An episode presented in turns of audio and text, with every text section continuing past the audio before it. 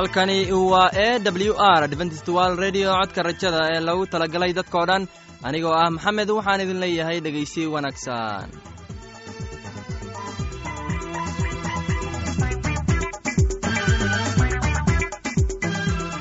barnaamijyadeena maanta waa laba qaybood. Qaybta koowaad waxaad ku maqli doontaan barnaamijka nolosha qoyska. Uu inoo soo jeedinaya heegan kadib waxaa inoo raacaya cashar inaga imaanaya bugga nolosha. Uu inoo soo jeedin doono sulaymaan. Labadaasi barnaamij ee xiisaha leh waxaa inoo dheer heese daabacsan oo aynu idiin soo xulnay kuwaas aynu filayno inaad ka heli doontaan. Dhegeystayaasheenna qiimaha iyo khadradda lehow waxaynu kaa codsanaynaa inaad barnaamijkeenna si habboon u dhegaysataan. Haddii aad wax su'aalaha qabto ama aad haysid wax tale ama tusaale fadlan inala soo xiriir dib ayaynu kaga sheegi doonaa ciwaankeenna. Bal intaynan u gudagelin barnaamijyadeena xiisaha leh waxaad marka hore ku soo dhowaataan heestan daabacsan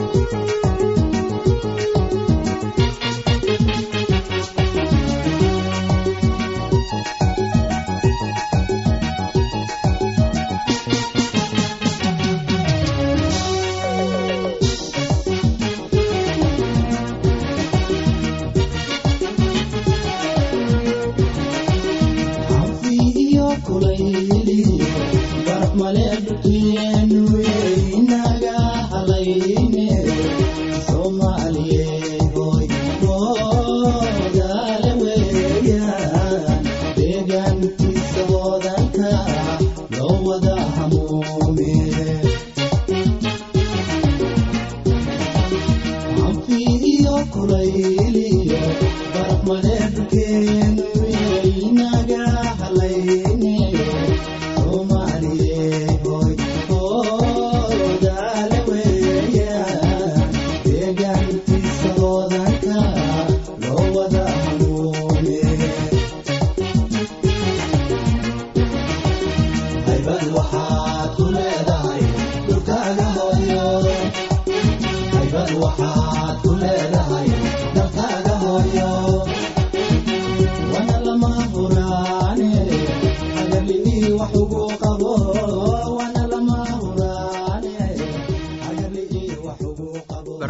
nolosha qoyska waa mid muhiim ah. Waxaan rajaynayaa inaad ka faa'iidaysan doontaan barnaamijkaasi.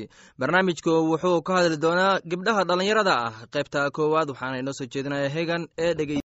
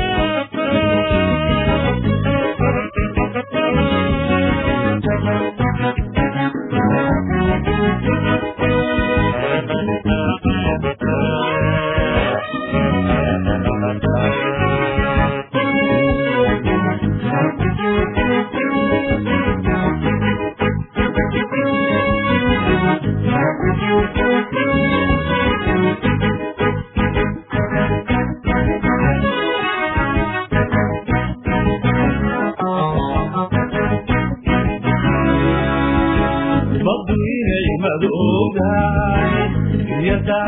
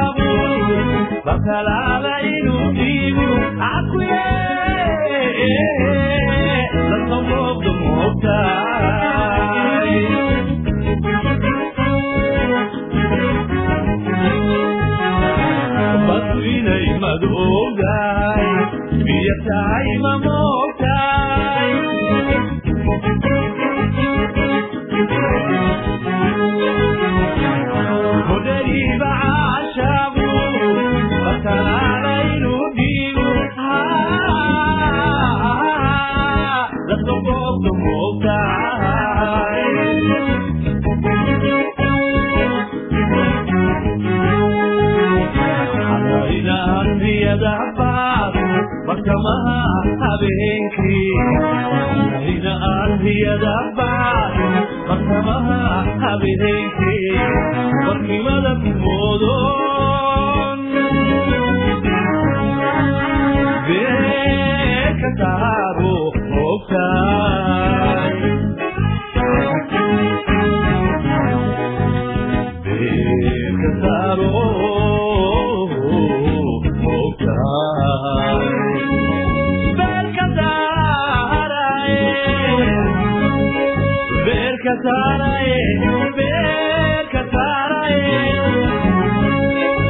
garka saaraye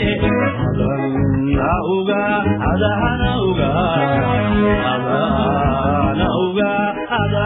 uga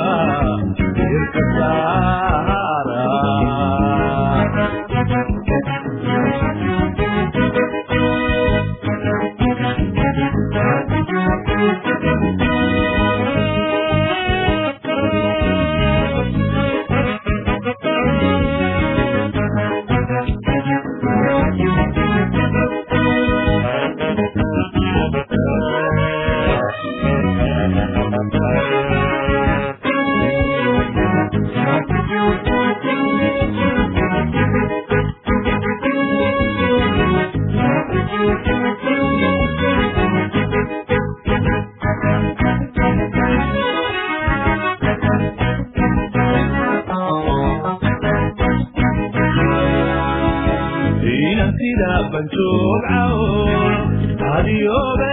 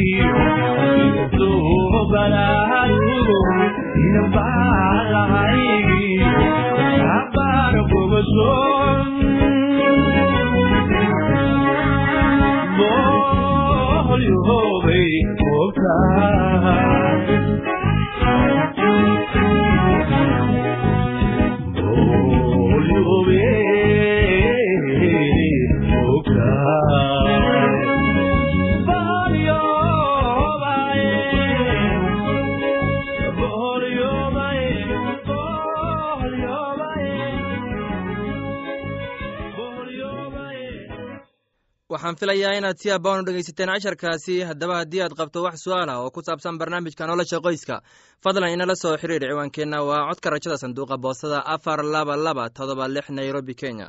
Mar labaad ciwaankeenna waa codka rajada sanduuqa boostada afar laba laba todoba lix nairobi kenya. Waxaa kaloo inagala soo xiriiri kartaan emeilka somali e w r at yahu dt com. Mar labaad emeilka waa somali e w r at yahu dt com. Haddana waxaad ku soo dhowaataan heestan daabacsan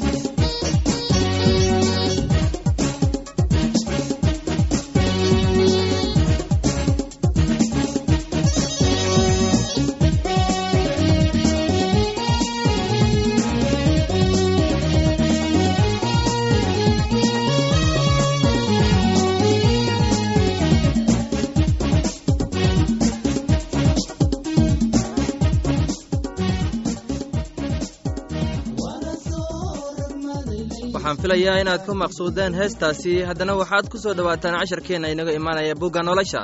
Casharkeenna wuxuu ku saabsan yahay daa'uud iyo abaartii waxaana inoo soo jeedinaya sulaymaan ee dhegaysi wacaan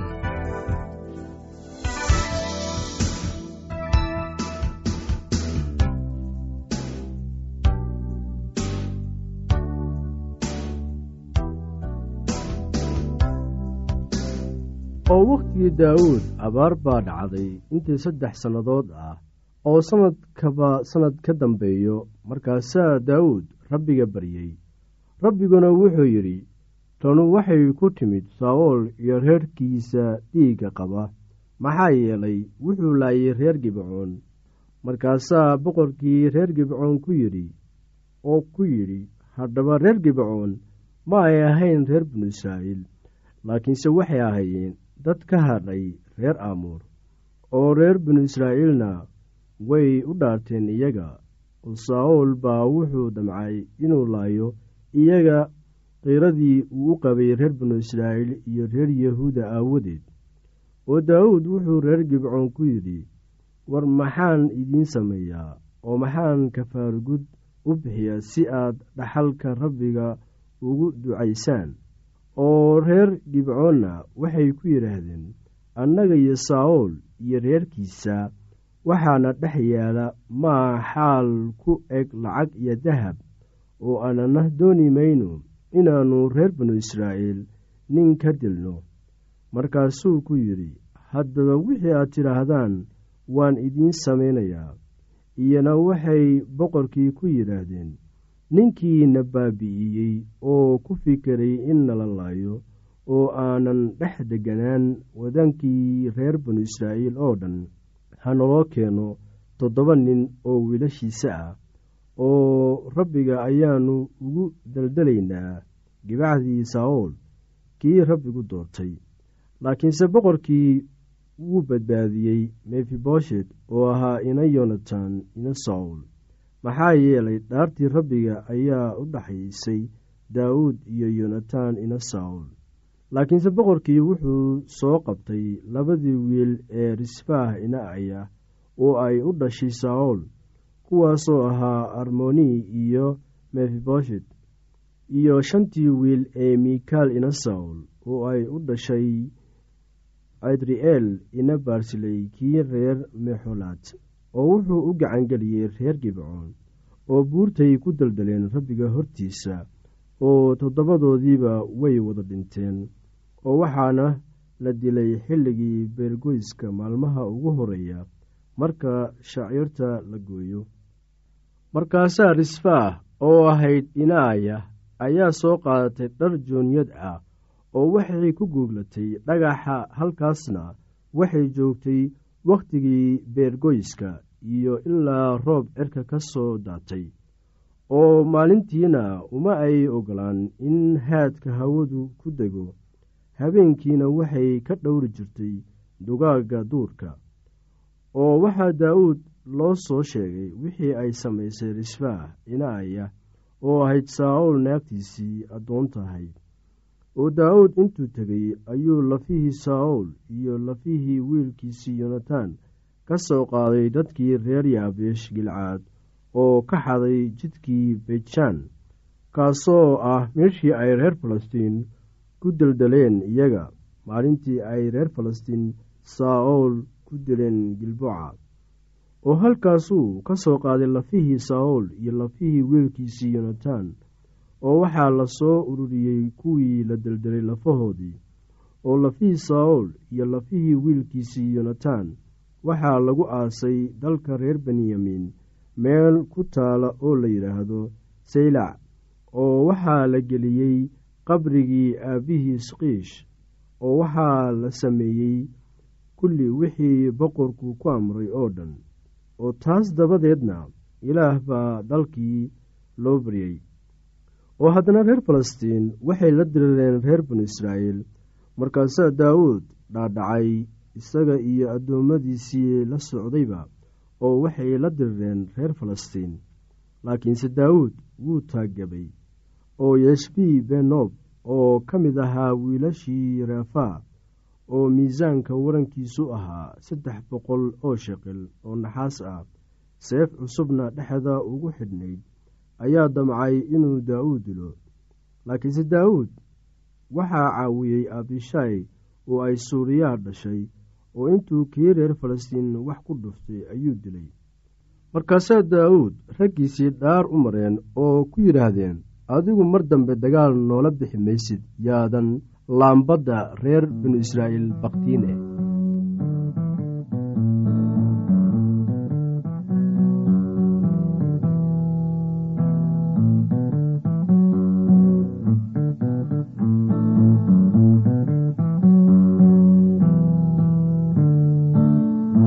magaciis barakale magaciis barakale magaciis barakale rabbiga magaciis barakale magaciis barakale magaciis barakale rabbiga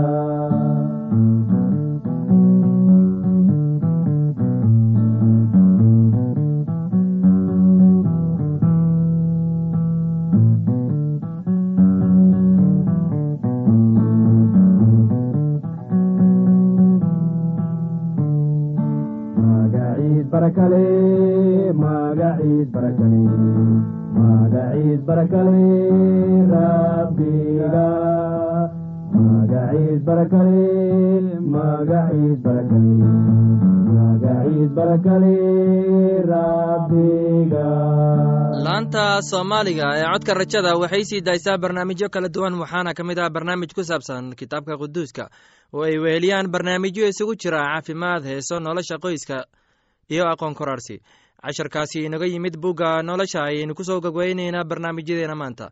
Halkaaad inagala socoteen waa laanta afka soomaaliga ee codka rajada ee lagu talagelay dadkao dhan. Haddaba haddii aad doonayso inaad wax ka kororsato barnaamijka caafimaadka barnaamijka nolosha qoyska ama aad doonayso inaad wax ka barato bugga nolosha fadlan inala soo xiriir ciwaankeenna. Waa codka rajada sanduuqa boostada afar laba laba todoba lix nairobi kenya. Mar labaad ciwaankeenna waa codka rajada sanduuqa boostada afar laba laba todoba lix nairobi kenya. Waxaa kaloo inagala soo xiriiri kartaan emeilka somali e w r at yahu dt com. Mar labaad emeilka waa somali e w r at yahu dt com. Dhegeystayaasheenna qiimaha iyo khadradda lehow meel kasta aad joogtaan. Intaa mar kale hawada dib ugu kulmayno. Anigoo ah maxamed waxaan idin leeyahay sidaas iyo nabadgelyo